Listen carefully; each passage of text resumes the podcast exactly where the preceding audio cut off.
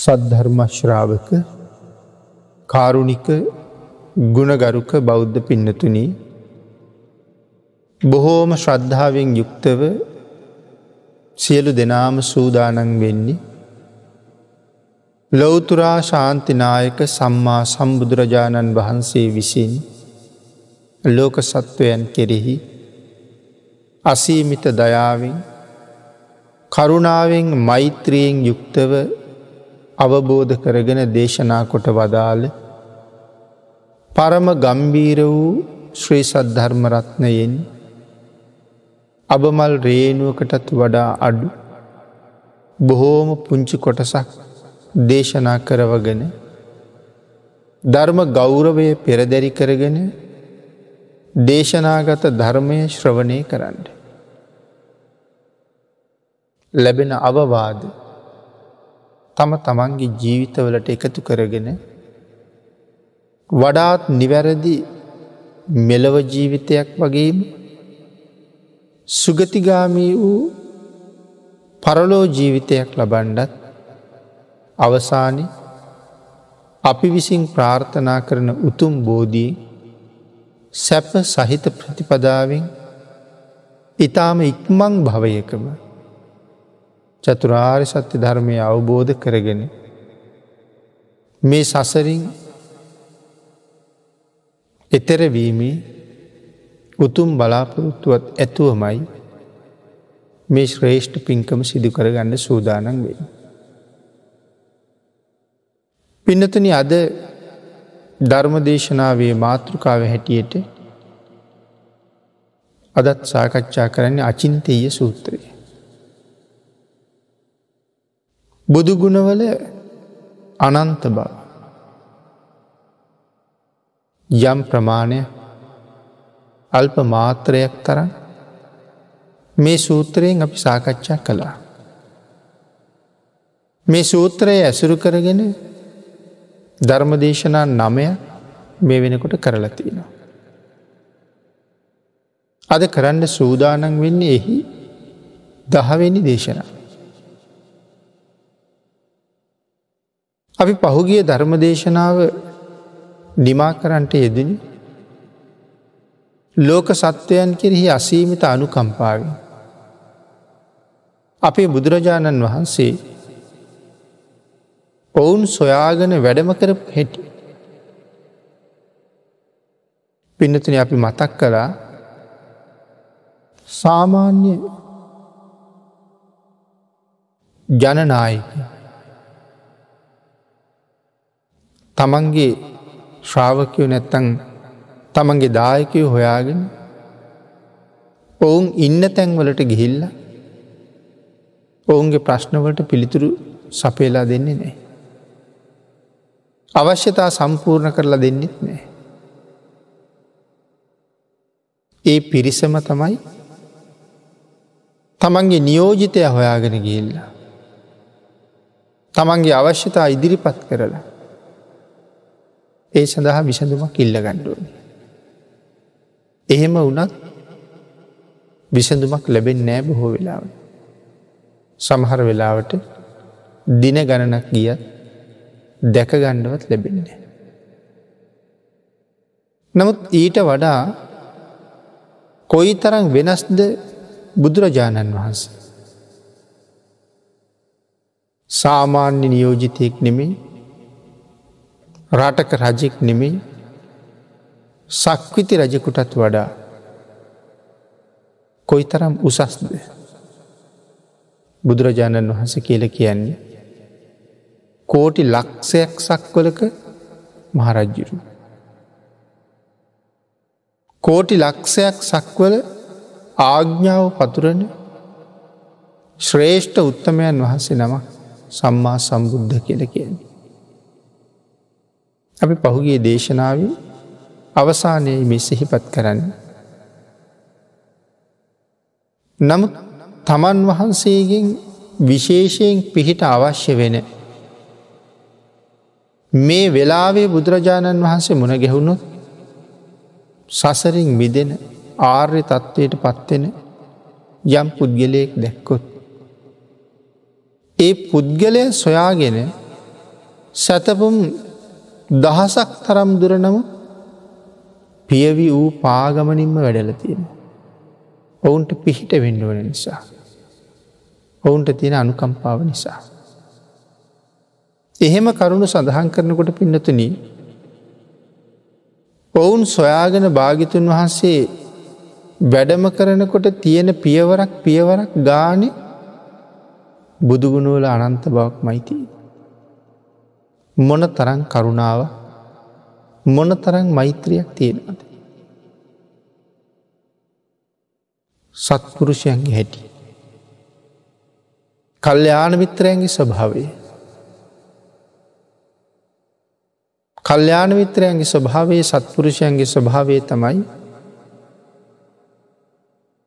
තමන් කවදාවත් තනියම එතර වෙන්නේ නැතික. පිනතින උදාහරණයක් සඳහන් කළ අපි කියමු ගමකට ලැව්ගින්නක් ඇවිල්ලා. සියලුම දෙනා දරුමල්ලුත් අරගෙන ගෙවල් වලින් එලියට ඇවිල්ල ජීවිතය බේරගෙන දුවනවා. දුවගෙන දුවගෙන යනකොට ගඟක් කම්බ වෙනවා. ගඟත් කට ගාවට පිරිල ගලන. මේ ගඟට පැනල පීනන්ඩ පුළුවන් අයත් මේ දුවගෙන අතර ඉන්නවා. ඒ අය පීනලා එගොට්ට මැන. නමුත් පීනන්ට බැරි පිරිස වැඩි. මහා කල්්‍යයාන මිත්‍රයෙක් සත්පුරුෂයෙක් මෙතෙන්ට දුවගෙන ආවහම ගඟ තරණය කරන්න තමන්ට කොච්චර වීරය තිබුණත් කල්පනා කරන්නේ මම තනියම එතර වෙන එක සුදුසු මදි. ඇයි මෙතර පිරිසක් අතර මං වෙලා. ඒ මිනිස්සු ගං ඉවරට වෙලා හිටිය අර ගින්නෙන් පිච්චිල මැරෙනවා.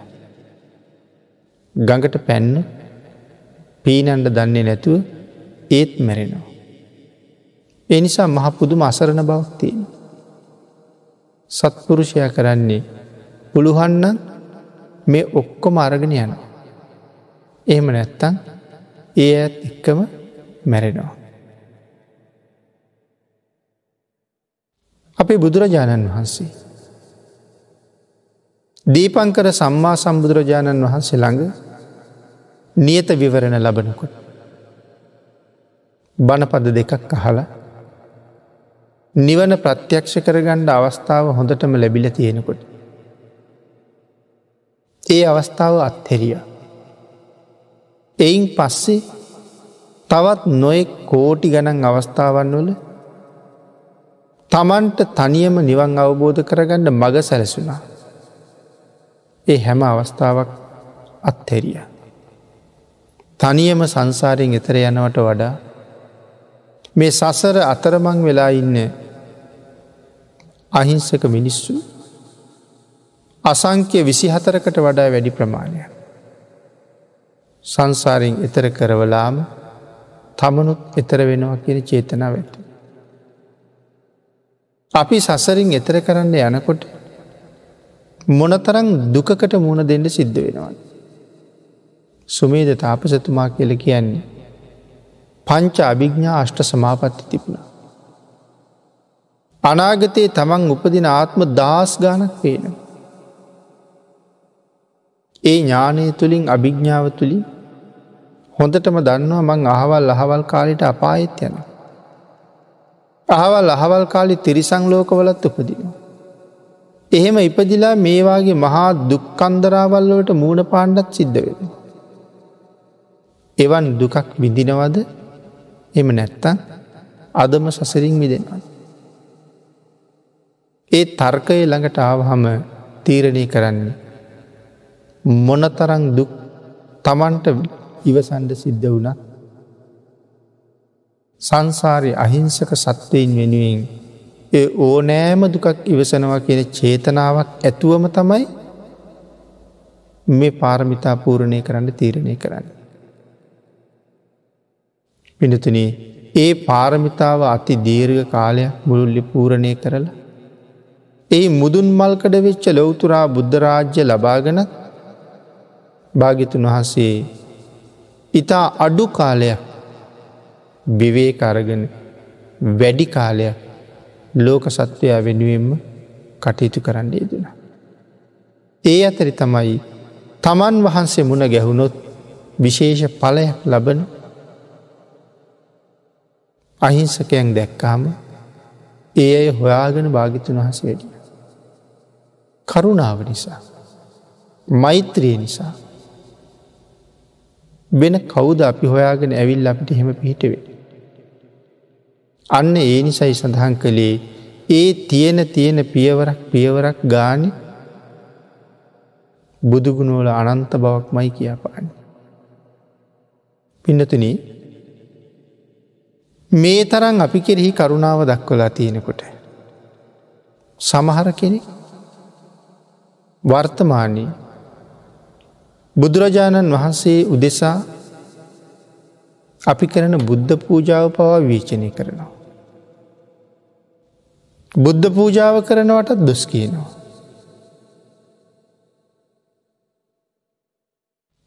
ඒ සත්පුරුෂකම කළගුණ දන්නා බවක් නැති නිසා. ලෝතුරා බුදුරජාණන් වහන්සේට දන් දෙනවට වඩා. මහා ආරාම බුදුරජාණන් වහන්සේ වෙනුවෙන් විහාර මන්දිර හදල පූජ කරනවට වඩා.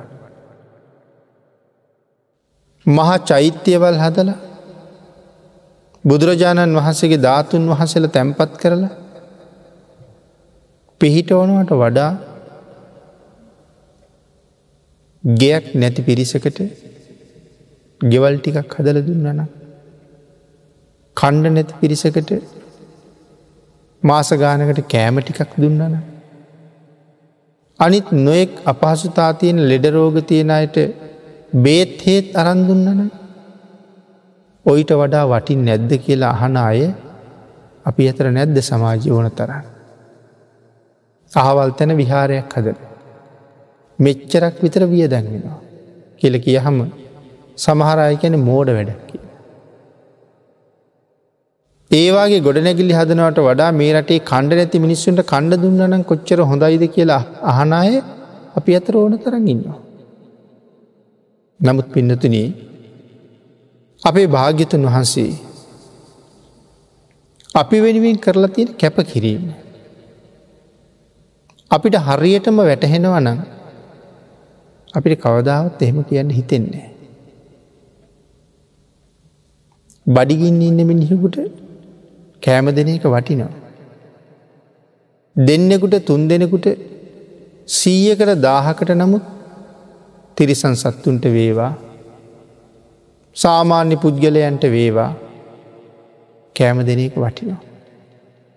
නමුත් පින්නතුනී ඒ සියල්ලටම වඩා වටිනෝ බුදුරජාණන් වහන්සේට දානි පූජ කරන.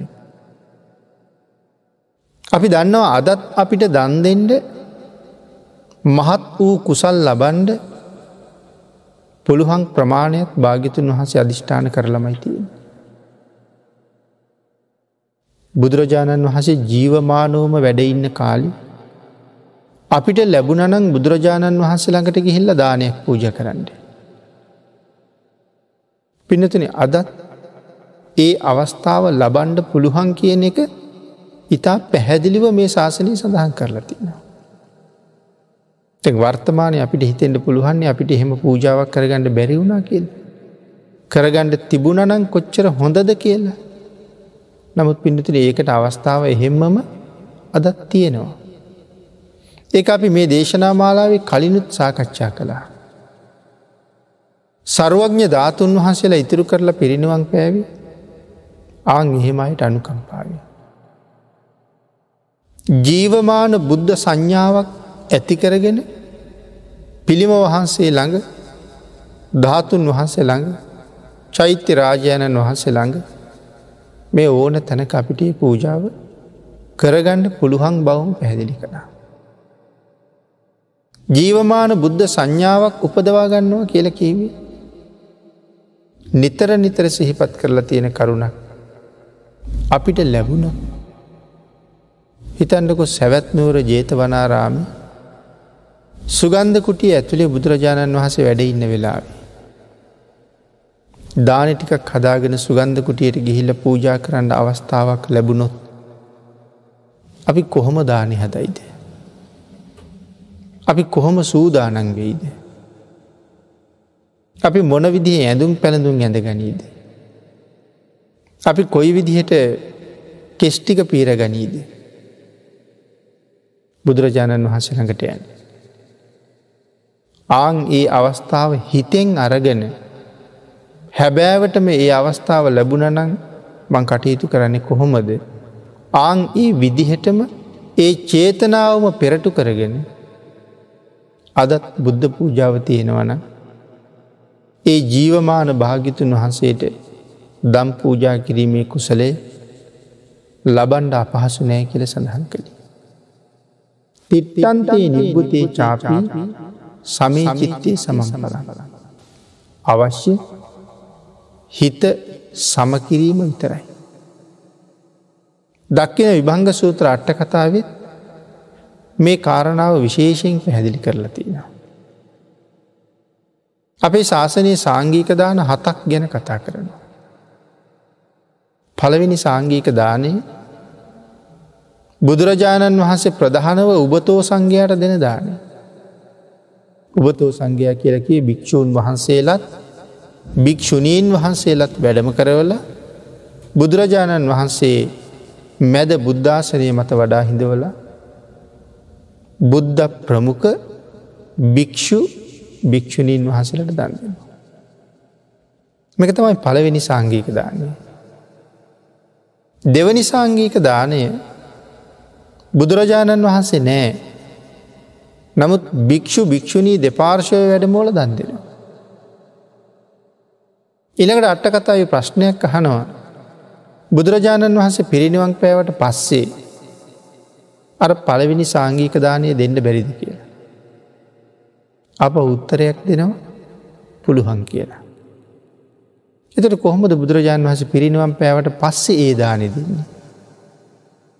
අට්ට කතාව සඳහන් කරනවා භික්‍ෂූන් වහන්සේලත් වැඩමවල භික්‍ෂුණීන් වහන්සේලත් වැඩමෝල දෙපස වඩා හිඳවලා මනා වූ බුද්ධාසනය පනවලා බුදුරජාණන් වහන්සේගේ පිළිමෝහන්සේ නම.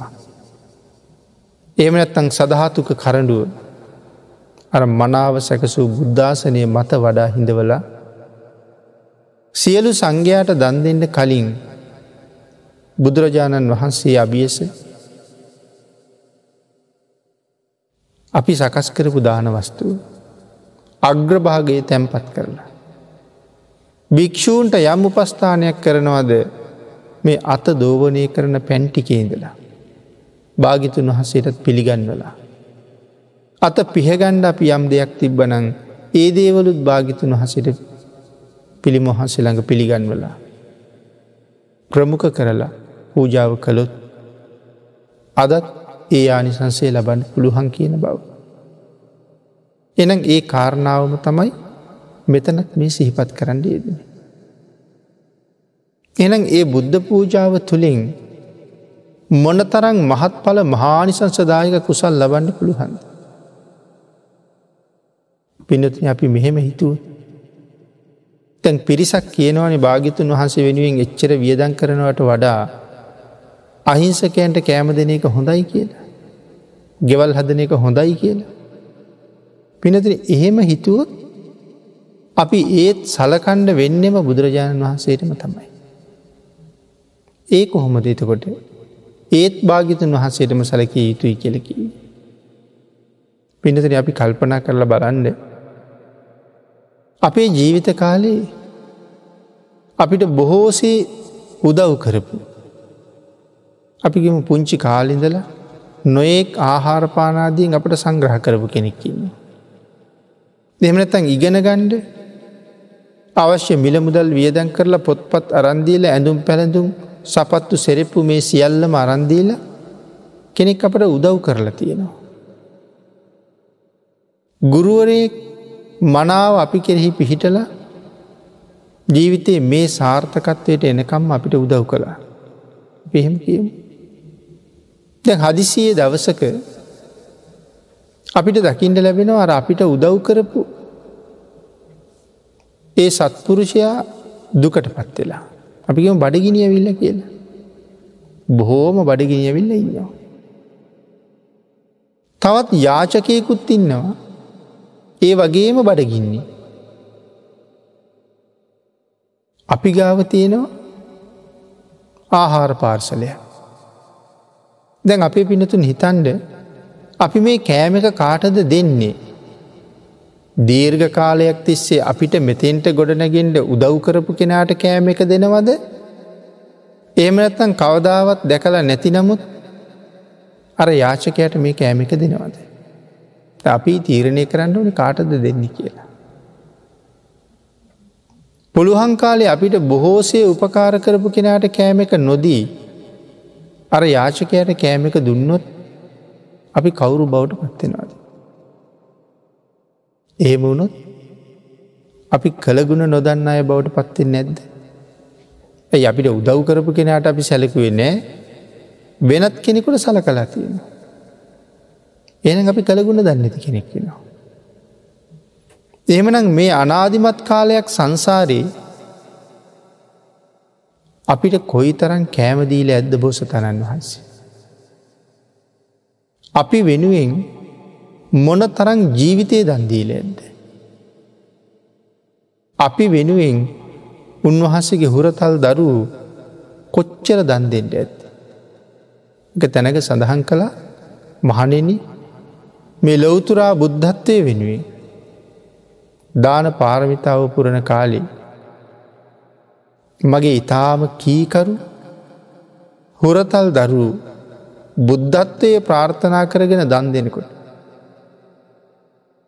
ඒ අයිගේ අත් දෙක ගැටගහපු වැල්ටික කපල එකතු කරානන් ඒ වැල්කන්ද මහාමේරු පර්වතයට වඩා උසයි කිය. සමහර කෙනෙක් හිතාගෙනන්න වෙස්සන්තර රජිරු විතරක් දරුව දන් දුන්න කියලා. අනාධිමත් කාලයක් සංසාරී කී පාරක් දරුව දන්දීල තියෙනවාද. කී පාරක් බිරිඳ දන්දීල තියෙනවාද. හැම සම්පතක්ම පිරිච්ච රාජ්‍යවල් කොච්චර දන්දීල තියෙනවා. තමන්ගේ ඇඟමස් තමන්ගේ ඇස් දෙක මේ ආදි වශයෙන් කල්පනා කරලා බලහම අහසේ පායන තරුවලට වඩා ඇස් දන්දුන්න කෙල සඳහන් කළේ. අහසේ පායන තරුවලට වඩා මහා සාගරයේ ජලයට වඩා ලේ දන්දුන්න කෙල සඳහන් කළ. මහ පෘතුවී පස්වලට වඩා ශරීර මාන්සය දන්දීල තියෙනව කියල සඳහන් කළ. ඒ දීපංකර පාදමූලේ අතටපත් නිවන අත්හැරියට පස්ස. එනම් අතට ලැබුණ නිවන අත්හැරී සකල ලෝක සත්වයාටම පිහිට වෙන්ඩෝන නිසා. එමනම් මේ සියලු පරිත්‍යාග කළේ සියලු සත්වයන්ට පිහිටවෙන්ඩ ඒ උතුම් බුද්ධත්වය ලබා ගැනීම සඳහාමයි. එතකොට අපි එක්කෙනෙක් එක්කෙනෙක් වෙනුවෙන් මොන තරං පරිත්‍යාග කරලෑ. පිඩතුනී අර අපූරු සිද්ධියක් අපේ බුදුරජාණන් වහන්සේට එක අවස්ථාවක සිද්ධ වෙනවා. ඔබ මේ කතාව හල ඇති මීට කලින්. එක කාන්තාවක් මහාකාශ්‍යප මහරහතන් වහන්සේට දන්දීලා එදත් මහාකාශ්‍යප මහරහතන් වහන්සේටම දන් දෙන්න බලාගෙනන්නවා. මහාකාශ්‍යප මහරහතන් වහන්සේ ඒ ගෙදරට වඩින්න කලින් බුදුරජාණන් වහන්සේ වැඩිය. අර කාන්තාව රැවටිලා මහාකාශ්‍යප මහරහතන් වහන්සේට දෙන්න තිබුණ දානි පංගුව බුදුරජාණන් වහන්සේට පිළිග. බුදුරජාණන් වහන්සේ අනික් පැත්තෙන් වඩිනකොට. මහාකාශ්‍යප මහරහතන් වහන්සේ වෙනත් දිහාවකින් ඒ ගෙදරට වැඩිය. එතකොට කාන්තාව දැනගත්තා කලින් දන්දුන්නේ මහාකාශප මහරහතන් වහසට නෙමෙයි කියලා. ඒ නිසා පිටිපස්සෙන් ගිහිල්ල ඉල්ලුව පිළිගන්නපු දානිටික. ඇය බලාපොරොත්තුවෙන් හිටිය කාශප මහරහතන් වහසර දන්ත. ඒ නිසා බුදුරජාණන් වහන්සේට පිළිගන්නපු දානය ටික නැවතාර ගන්නවා හැඳදා. අරංගිහිල්ල මහාකාශය මහරතන් වහසර පූජ කළා. මේ කාරණාව පස්සේ භික්‍ෂූන් වහසල බුදුරජාණන් වහසගෙන් ඇහුව ස්වාමීනී භාග්‍යතුන් වහසට දන්දීලත් ඒක ගත්ති ඇයි කියලා. ඒකට භාගිතුන් වහස මහ පුදුම උත්තරයක් දුන්න. මහනෙන මහාකල්ප අසංක්‍ය හතරකුත් ලක්ෂ එකක් සංසාරි. ලොවතුරා බුද්ධත්වය වෙනුවෙන් මං පාරමිතාපුරණ කාරි. මේ කෝටි ලක්ෂයක් සක්වලේ ඔය කියන කාන්තාව හිටිය නෑ කියලා. බලනක මොන තරම් පුදුම කතාවක්ද කිය. මහාකල්ප අසංක්‍ය හතරකුත් ලක්ෂ එකක් මේසා දීර්ඝ කාලේ මේ කාන්තාව මේ කෝටි ලක්ෂයක් සක්වල හිටිය නෑ. ඒ නිසා ඒ කාන්තාව වෙනුවෙන් මම කිසි දෙයක් දන්දීල නෑ. මගෙන් කිසිම දෙයක් ඇය ලබල නැති නිසා ඇය මට ණය නෑ. ආගේ නිසා දුන්න දානය හැන්දත් අරගත්තමගේ. ඇය මට ණයනෑ. පිනති මේ කතාව යටති බොහෝ දේවල් කියවෙනවා. නමුත් අපි ගන්නවද කවදාවත් භාගිතුන් වහසිට පූජ කරපුදි. ඒ කියන්නේ එහෙනම් අපි හැම කෙනෙකුටම බෝසතාණන් වහන්සේ කාලේ දන්දීල තියෙන. උදව් කරලා තියෙන. අපි හැම කෙනෙක්ම බුදුරජාණන් වහන්සේට නයයි. එනම් මේ බුද්ධ පූජාව කරනවා කියල මොකක්ද කරන්න හැප. නාය ගෙවන එකමයි පිනතු.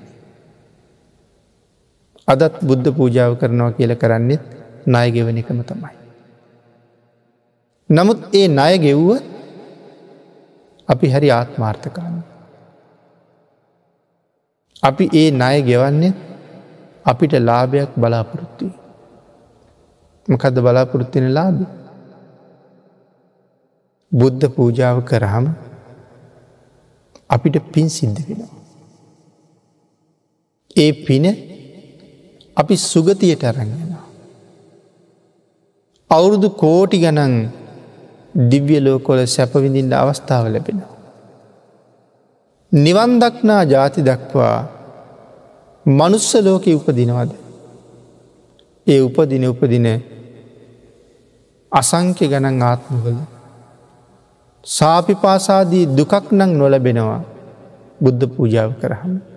කියන කාරණාව දැනගෙන නිවන් දක්නා ජාති දක්වා සාපිපාසාවෙන් නොපෙළෙන්ඩ මේ පූජාව මට උපකාරයනවා කියලා දැනගෙන තම අපි පූජාව කරන්න. ඒකන්නේ අපිට ලාභයක් ලැබෙන නිසයි අපි පූජාව කරන්න. ණය ගෙවීමත් ඒවගේ අපිළඟ තියෙනවා වෙන ආත්මාර්ථකාමී බලාපොරොත්තුව. ඒත් බුදුරජාණන් වහන්සේ අනුකම්පා කරලා නැද්ද. ඒත් අනුකම්පා කරලමයි තියෙන්. පින්නතුනී මේ විදිහට කරුණු ගැන හිතල බලහම භාගිතුන් වහන්සේ උදෙසා කරන හැම පූජාවක්ම. කොයි තරං උනන්දුවෙන් මොනතරං වුවමනාවෙන් කොපමණ ශ්‍රද්ධාවෙන් කළ යුතුද. ඒ තරං බෝසතාණන් වහන්සේගෙන් උපකාර ලබාපු කෙනෙකුට කටක් ඇරල වචනයෙන් කියන්න පුළුහන්ද බුද්ධ පූජාව කරනවට වඩා දුප්පත් මිනිසුන්ට කෑම දෙන්නකි. කළගුණ දන්නති කෙනෙක් තමයි එහෙම කියනවන කියන්නේ. අපේ බුදුරජාණන් වහසේ දේශනා කොට වදාලා කතඥෝ කතවීදී දුල්ලබ පුද්ගලෝලෝ කස්ගස්. කළගුණ දන්න කළගුණ සලකනයි මේ ලෝකෙ හුඟාක් දුර්ලබයි කියලා. එක සූත්‍රයක සඳහන් කළා දුර්ලභ පුද්ගලය තුන් දෙන කියන. එක්කෙනෙක් තමයි ලෝතුරා බුදුරජාණන් වහසේ දුර්ලබයි. බුදුවරු ලෝකෙ පහළවෙන්නේ ඉතාම කලාතුරකින් බව අපි දන්නවා. ඒ තමයි ලෝකෙ පලවෙනිම දුර්ලභ කෙනා. දෙවනියට ඉන්නේ. බුදුරජාණන් වහන්සේ ගේම ධර්මය වෙනස් නොකර දේශනා කරන කෙන මේ ලෝකෙ තවත් දුර්ලභ කෙනෙ. තුන්වෙනුවට සඳහන් කළා කළගුණ දන්න කළගුණ සලකන අය ලෝකෙ දුර්ලබයි කියලා. එමනම් බුද්ධ පූජාවට යමෙක් චෝදනා කරනවන. ඒත් කළගුණ නොදන්න කෙනෙක් කියල තමයි කියන්ටවෙන්න.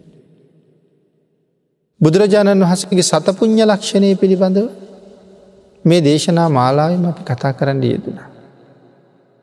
අනන්ත සක්වල අනන්ත ජීවීන් එක්කෙනා දාන සීයක් දුන්න. අනන්ත සක්වල අනන්ත ජීවීන් එක්කෙනෙක් තනියම දාන සීයක් දුන්න. එක්කෙනා තනියම දාන සීය සීය දීල මේ අනන්ත ජීවීන් දුන්න ප්‍රමාණය ඔක්කෝම එකතු කරලා එකට ගොඩගෙහු කොච්චර ප්‍රමාණයක් තීද. පිනතුනේ ඒටික ගොඩගහන්ඩ වෙනම සක්කොළවල් ප්‍රමාණයක් ඕනේ. නමුත් සඳහන් කරනවා එහෙම එකතු කළොත් ප්‍රමාණය කොච්චරද මහ බෝසතාණන් වහන්සේ ලොවතුරා බුද්ධත්වය වෙනුවෙන් ඒ ගොඩ ගහපු ප්‍රමාණය වගේ ප්‍රමාණ සීයක් තනියම දන්දීල තියෙනවා. එහෙම දන් දෙනකොට ඔබ මම මගෑරිල මගෑරිල නෑ කවදාව. ඒත් තරම්ම ලෝක සත්වයට පිහිට වෙලා තියෙනවා. ඒ තරම්ම ලෝක සත්වයට උපකාර කරලා තියෙන. ඒකයි භාගිතුන් වහසේම සඳහන් කළේ කළගුණ දන්න කළගුණ සලකනාය ලෝකෙ බොහොම දුර්ලබයි බොහොම විරලයි කියලා. පිඩතුන අපිට අපේ බුදුරජාණන් වහන්සේ මේ තරං සලකලා තියෙනවන. අපි උන්වහන්සේ වෙනුවෙන් කොයි තරන්නම් කැපකිරීම් කළ යුතුද. ඒකත් බුදුරජාණන් වහන්සේ සම්බන්ධයෙන් කල්පනා කරනකොට තියෙන අනන්ත බවක්මයි.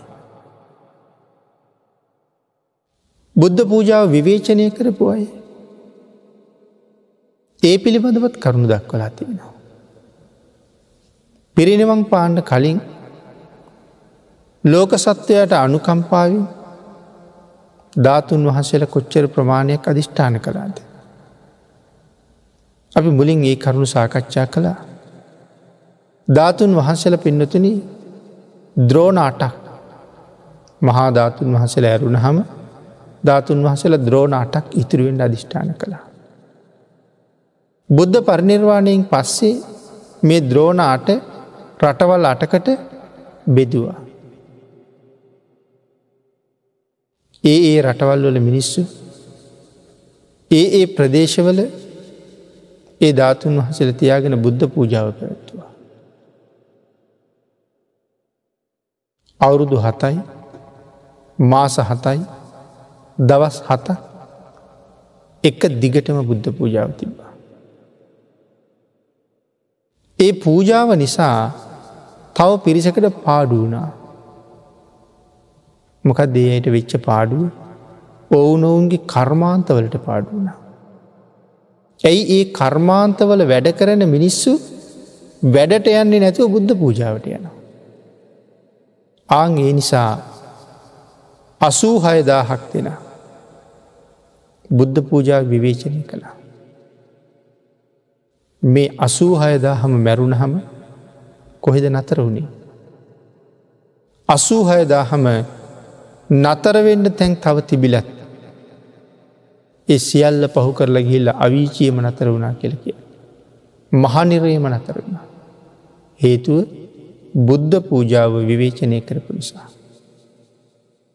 සක්‍ර දේවේන්ද්‍රයන් වහන්සේට පස්සේ මේක දරාගණ්ඩ බැරුව ගිය. ඊට පස්සේ මහාකාශ්‍යප මහරහතන් වහන්සේ හොයාගෙන ඇවිල්ල මහාකාශ්‍යපයන් වහන්සේට මතක් කළා. ස්වාමීනී අපි ධාතුන් වහන්සේලා එකතු කරමුද කිය. ඇයිඒ කිය ලැහුවා. ඒවෙලා සඳහන් කළා ස්වාමීණි අවුරුදු හතයි මාස හතයි දවස් හතක් මේ කෙරුණ බුද්ධ පූජාව විවේචනය කරපු අසූ හයදාහක් දෙෙන. වෙන අතර මග කොහෙවත් අතර වනේ නෑ අවීචීම තමයි ඉපදින. තව තවත් මේ කාරය ඉදිරියට කරගෙන යනකොට තවත් විවේචනය කරන්නෝ ඇති වෙනවා.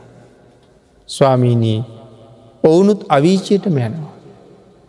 ඔවුන්ටත් අනුකම්පා කරලා අපි ධාතුන් වහසල තැන්පත් කරන කියලා. ආං ඊට පස්සෙ තමයි නැවත සියලු ධාතුන් වහසල එකතු කරලා ඒ ඒ ප්‍රදේශවලට පූජාවන් සඳහා අවශ්‍ය යම් යම් ප්‍රමාණයක් දීල ධාතුන් වහන්සේල මහපොලො යට නිදංගත කරන්නේද.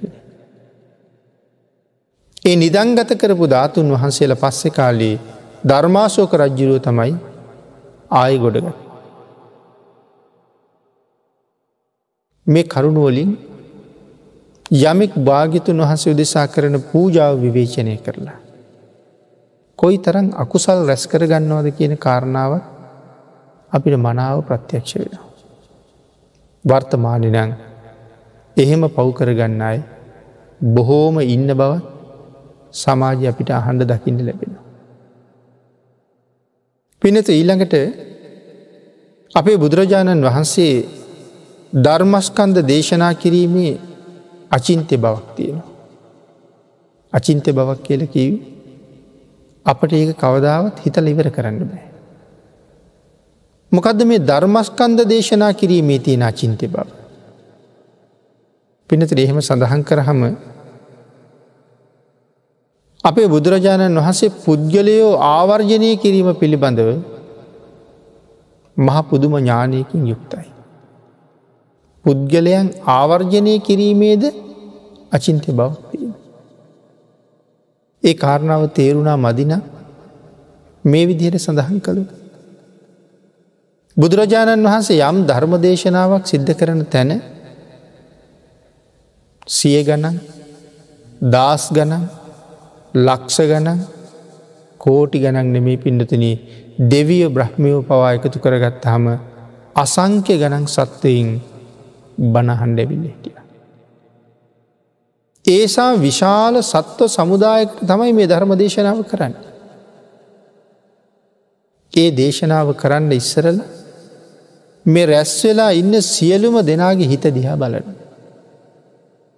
තැන්න මේ අසංක්‍ය ගණන් සත්වයන්ගේ හිත දිහා බලනවා කියන එක එක පාර කරන්න පුළුවන් වැඩක් දෙක්. නමුත් ඒක භාගිතුන් වහසිර කරන්න කරන්න පුළුවන්. ආගේ හිත් දිහා බලනවා. හිත දිහා බලනවා විතරක් නෙමෙයි.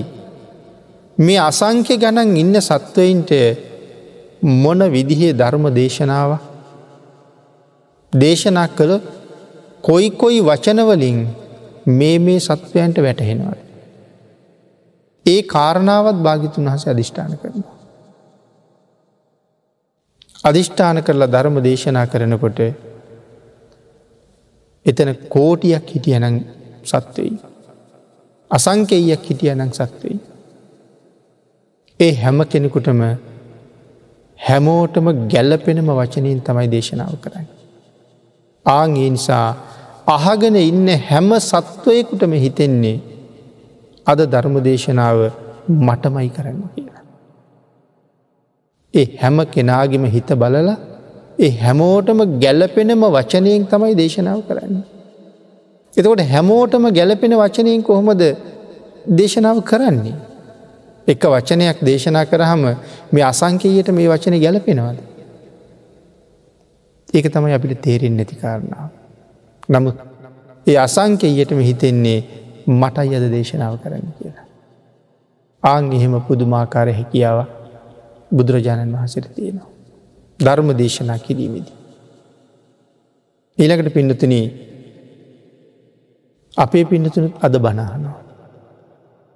අපි මෙතනත් බණහනෝ අපි ගෙදර ගිහිල්ලත් බණහනෝ අපි මීට කලිනුත් බණහල තියෙන අනාගතයට ජීවත් වනුත් තවත් බණහන. ඇහුව බිතරමද ඒ ධර්මය අපිට හොඳට වැටහුණා අපි හොඳට තේරුම් ගත්තා පින්න පව මනාව අවබෝධ කරගත්තා. කළයුත්ත නොකළයුත්ත ජීවිතය සකස් කරගත යුතු හැටි මැරෙනකං ජීවත් විය යුතු විදිහ මනාව අපිට බුදුරජාණන් වහන්සේ දේශනා කරලා තියෙන කරුණු මේ ධර්ම දේශනාවල්වලින් ඉගෙනගෙන ශ්‍රද්ධාව ගෞරවය උපදවාගෙන තුනුරුවන් සරණ ගිහිල්ල පන්සිල් ආරක්ෂා කරගෙන. විශේෂ දවසක උපෝසත සිල් රැකගෙන කටයුතු කරන්න මේ උත්සාහ දැරුවේ ඒ බණ අහපු නිසා මිසා වෙන කවුරුවත් ඊට මඟ කීවෙන. එන අපේ පිඩතුන්ටත් අහපු ධර්මය යම් පමණකින් හරි වැටහුණාන. අපේ පිඩතුන් දන්නවද මේ බණ අහලා අපිට ධර්මය තේරෙන්නෙත් බුදුරජාණන් වහසේ අධිෂ්ඨාන කරපු නිසා කියලා. ඒ කියන පින්නතනේ මම කියන පුද්ගලයත් එදා භාගිතුන් වහසේ දැකල තියෙනවා කියන එකයි. ලෝක සත්වයාට ධර්ම දේශනා කලා විතරක් නෙමේ. බුදුරජාණන් වහන්සේ දන්නවා තමන් වහන්සේ පිරිනිවම් පෑවට පස්සේ මාස තුනක් ගත වෙනකොට ශාසන භාරධාරි මහ තෙරවරු මේ ශාසනයේ පන්දාහක් කල් පවතින්ට සුරක්ෂිත කරන්න. ධර්ම සංගායනා කරන බව. පළවෙනි ධර්ම සංගායනාව කරන වෙලාවේ අග්‍ර උපස්ථායක ආනන්දයන් වහන්ස. ඒ සංගායනයට අවශ්‍යමයි. මොකද ධර්ම බාණ්ඩාගාරික කියල හැඳින්වී අග්‍රපස්ථායක ආනන්දයන් වහන්සේමයි. උන්වහන්සේ නැති තැන මේ සංගායනාව අසාර්ථකයි. භාගිතුන් වහස දන්නවා සංගායනාවට කලින් දවස නමුත් ඒ සංගායනා භූමියයට ඇතුල්ලෙන්ට සුදුස්සෙක් බවට මේ ආනන්ද පත්වෙනවාමයි කියන. එදාට ආනන්දයන්ගෙන් මේ ධර්මය අහගෙන සංගායනා කරලා. ලෝක සත්වය වෙනුවෙන් ඒ ධර්මය සුරක්ෂිත කරනවා. එනම් භාගිතුන් වහසේ අධිෂ්ඨාන කරලා තියෙනවා ඒ සංගායනා වෙදි භාගිතුන් වහන්සේගේ ධර්මය සංගායනා වෙනකොට. පන්දාහක් කල් මේ ශාසනයේ පවතිනකල් යමෙක් බණහනවාද. ආංගේ බණහන මිනිස්සුන්ට ශ්‍රද්ධාවෙන් බණහන මිනිස්සුන්ට මේ ධර්මය කොහොම අවබෝධ විය යුතුද කියන කාරණාවත් අධිෂ්ඨාන කළේ බුදුරජාණන් වහන්සේ. ඒ අධිෂ්ඨාන ශක්තිය නිසා තමයි අපිට බණහනකොට ධර්මය තේරෙන්. ශ්‍රද්ධාව වැඩි වෙලා ඇස්වලට කඳුළු ඇවිල්ලා බුදුගුණ පිළිබඳව අපමණ පැහැදිලා මේ ධර්මයට අනුව ජීවිතය ගොඩනගණ්ඩ ඕන කියලා අපිට හිතුනෙ. එහෙම අසීමාන්තික ශ්‍රද්ධාවක් ධර්මය සම්බන්ධින් භාග්‍යතුන් වහස සම්බන්ධයෙන් උපදවා ගණ්ඩ අපිට පිහිට වෙලා තියෙනෙත් බුදුරජාණන් වහන්සේම තමයි. හැබැයි ඒ කරුණු ඒ දේවල් කොහොමද වනේ කොහොමද කළේ ඒකක්වත් අපිට තේරෙන්නේ අපිට තේරෙන්නේ නෑ. ආං ඒකයි සඳහන් කළේ මේ ධර්මස් කන්ද අධිෂ්ඨාන කිරීමේද තියෙන්නේ මහ පුදුම අචින්තය බවක් කියලා. අපිට හිතාගණ්ඩ බැරි බව. ඒ හැමතැනම බුදුගුණේ අනන්ත බවම පේනවා. ඉනතන එහෙමනම්. අද මේ ධර්ම දේශනාවට තියෙන කාලේ නිමා වෙලා තියෙන නිසා. අචින්තය සූත්‍රයේ ආශ්‍රයෙන් සිද්ධ කරන දහවෙනි ධර්ම දේශනාව. අපි මේ විදිහට නිමා කරමු. මේ සූත්‍රය ඇසුරින් තවත් ධර්මකාරණ ටික ඉදිරියට සාකච්ඡා කරන්න ඉඩ ඉතුරු කරගෙන.